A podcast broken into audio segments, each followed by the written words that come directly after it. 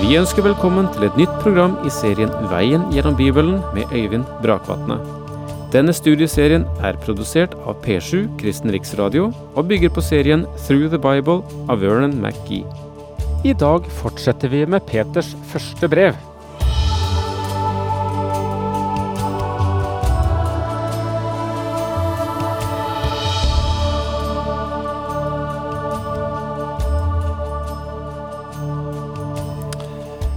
Vi er kommet til det 15. vers i kapittel 1 i første Peters brev.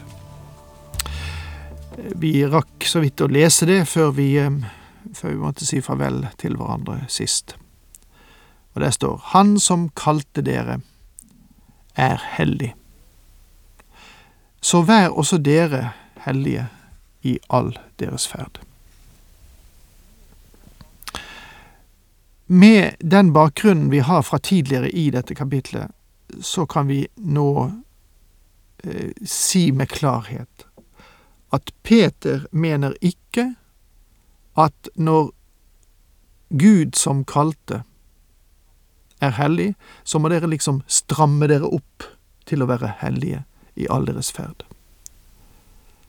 Hellighet, den personlige holdningen, den er ikke et produkt av at vi tar oss sammen. Den er en frukt av Hans åndsverk i vårt liv. Så det Peter egentlig sier her, at når dere kjenner til hvem Han er som kalte dere, og at Han er hellig, så vet dere at når Han bor ved Kristus, ved sin ånd i deres hjerter, så finnes der en mulighet for dere til å være hellig i all deres ferd. Hellighet det er noe som ofte blir misforstått. For en del mennesker eh, er det å innta en slags eh, from holdning og eh, nesten bli oppstyltet og unaturlig i hverdagslivet. Et hellig menneske er liksom en slags fraværende individ som få kan ha kontakt med. For mange mennesker er hellighet noe kunstig, som man ikke skal la seg dra inn i. Men slik er det ikke å forstå her hos Peter. Min venn, Herren ønsker at du skal være en hel personlighet, et helt menneske. Han ønsker at du skal glede deg over livet og ha plass til smilet ofte. Og nå tenker jeg ikke bare på alle former for humor, men virkelig tilfredshet og glede i livet, som Han har gitt deg. Hellighet er for det åndelige livet det helse er for det fysiske livet. For jeg sier det en gang til.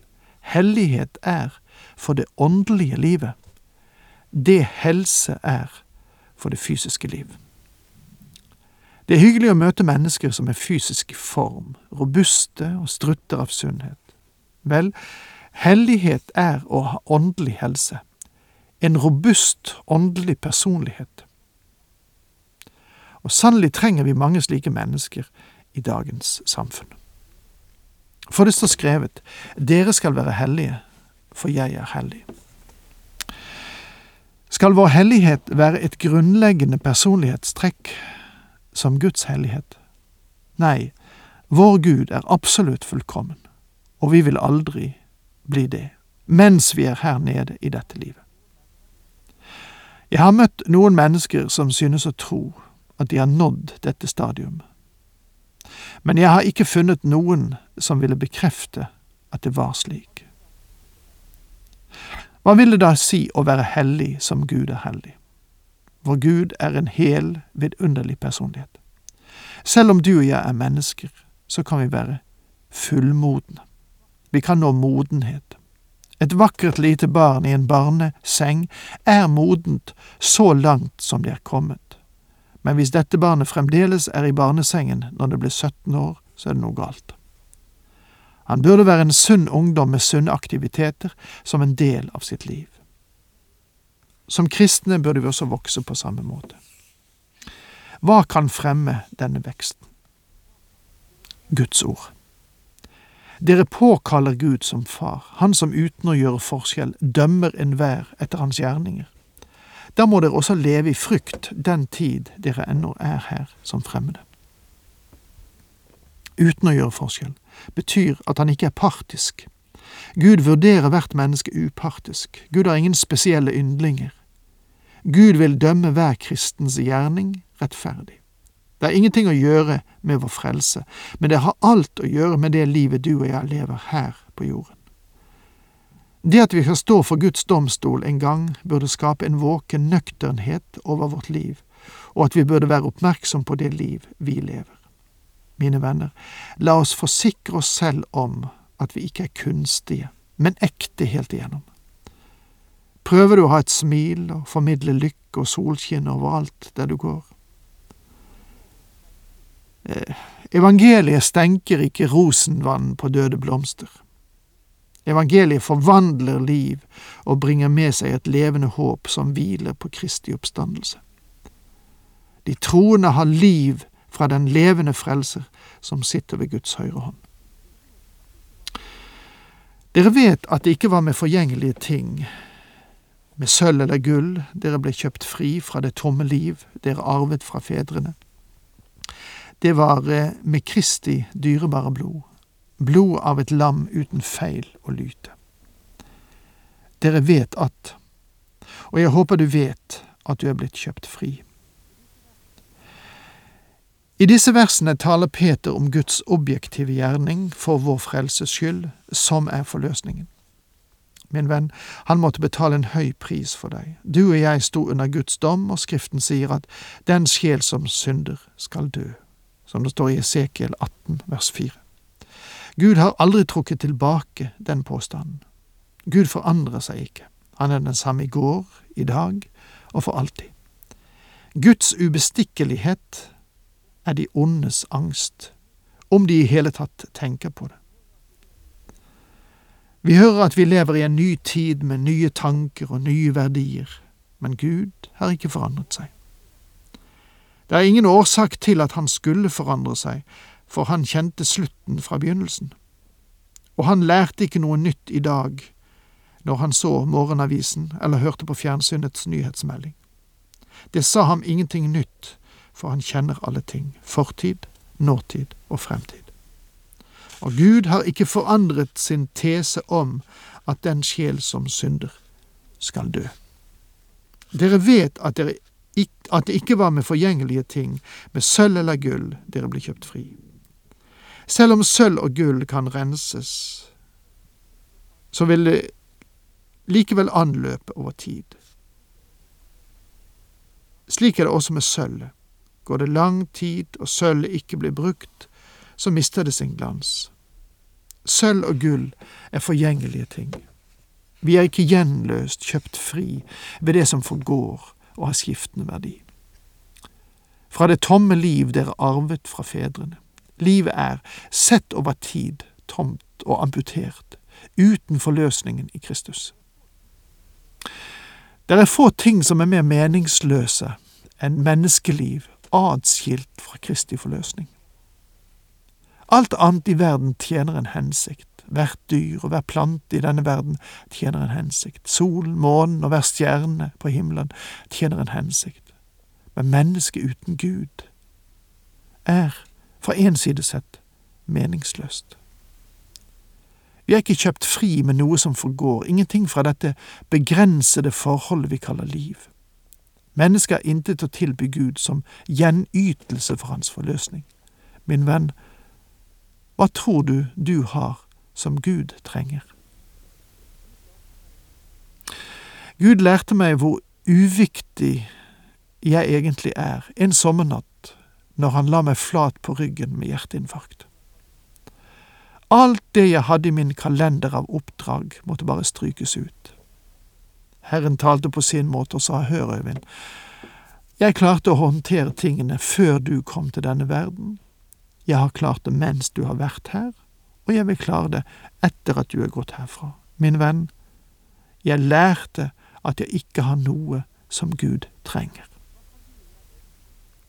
Hva kan du og jeg egentlig gjøre for å frikjøpe oss selv? Ingenting. Hvordan kan vi da bli løskjøpt? Jo, med Kristi dyrebare blod. Og her sier Simon Peter, denne røslige fiskeren, enda en gang at Kristi blod er dyrebart. Vi verken taler eller synger for mye om Kristi blod i vår tid, og årsaken er kanskje at vi finner det anstøtelig. Vel, i Bibelen er det ikke anstøtelig. Og Simon Peter syntes absolutt ikke at det var anstøtelig. Tvert imot sa han at det var dyrebart. Med Kristi dyrebare blod, blodet av et lam uten feil og lyte. Simon Peter, som levde med Jesus Kristus i tre år, sa at han var uten flekk eller lyte. Han var absolutt syndfri.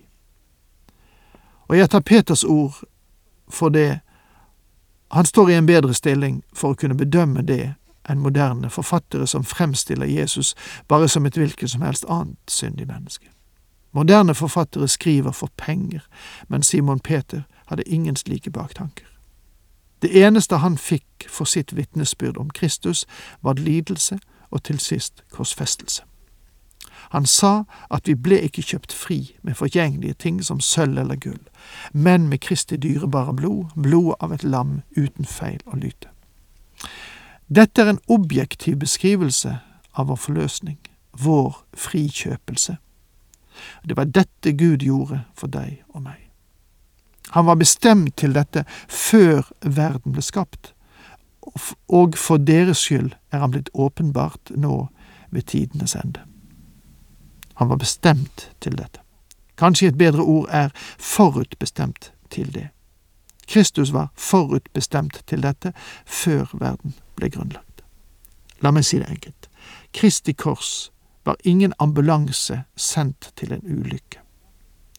Kristus var lammet som ble slaktet før verdens grunnvoll ble lagt, fordi Gud hele tiden visste at Øyvind Brakvatn og alle andre mennesker ville trenge en frelser, og han elsket ham nok til å gi en frelser. Jeg trenger ingen computer for å trenge gjennom denne veldige tanke. Jeg trenger bare en Gud med et stort hjerte fylt av kjærlighet, som kjøpte meg fri ved sin nåde. Ved ham er dere kommet til tro på Gud, som reiste Kristus opp fra de døde og gav ham herlighet. Derfor er deres tro også håp til Gud, som reiste Kristus opp fra de døde. Simon Peter minner oss til stadighet om Kristi oppstandelse. Derfor er deres tro også håp til Gud. Tidligere knyttet han sammen ordene nåde og håp. Nå er det tro og håp han knytter sammen. Peter er den store håpets apostel, og håpet hviler på Kristi oppstandelse og på det faktum at vi har en levende frelser som en dag skal vende tilbake. Ja, nå tror jeg at vi kanskje får sette strek der, for eh, det er et naturlig sted å stoppe akkurat nå. Og med det må jeg få si takk for nå. Herren med deg.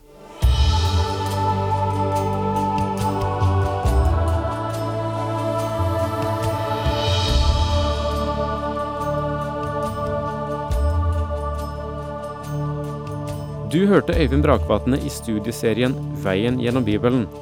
Serien bygger på et manus av Vern McGee.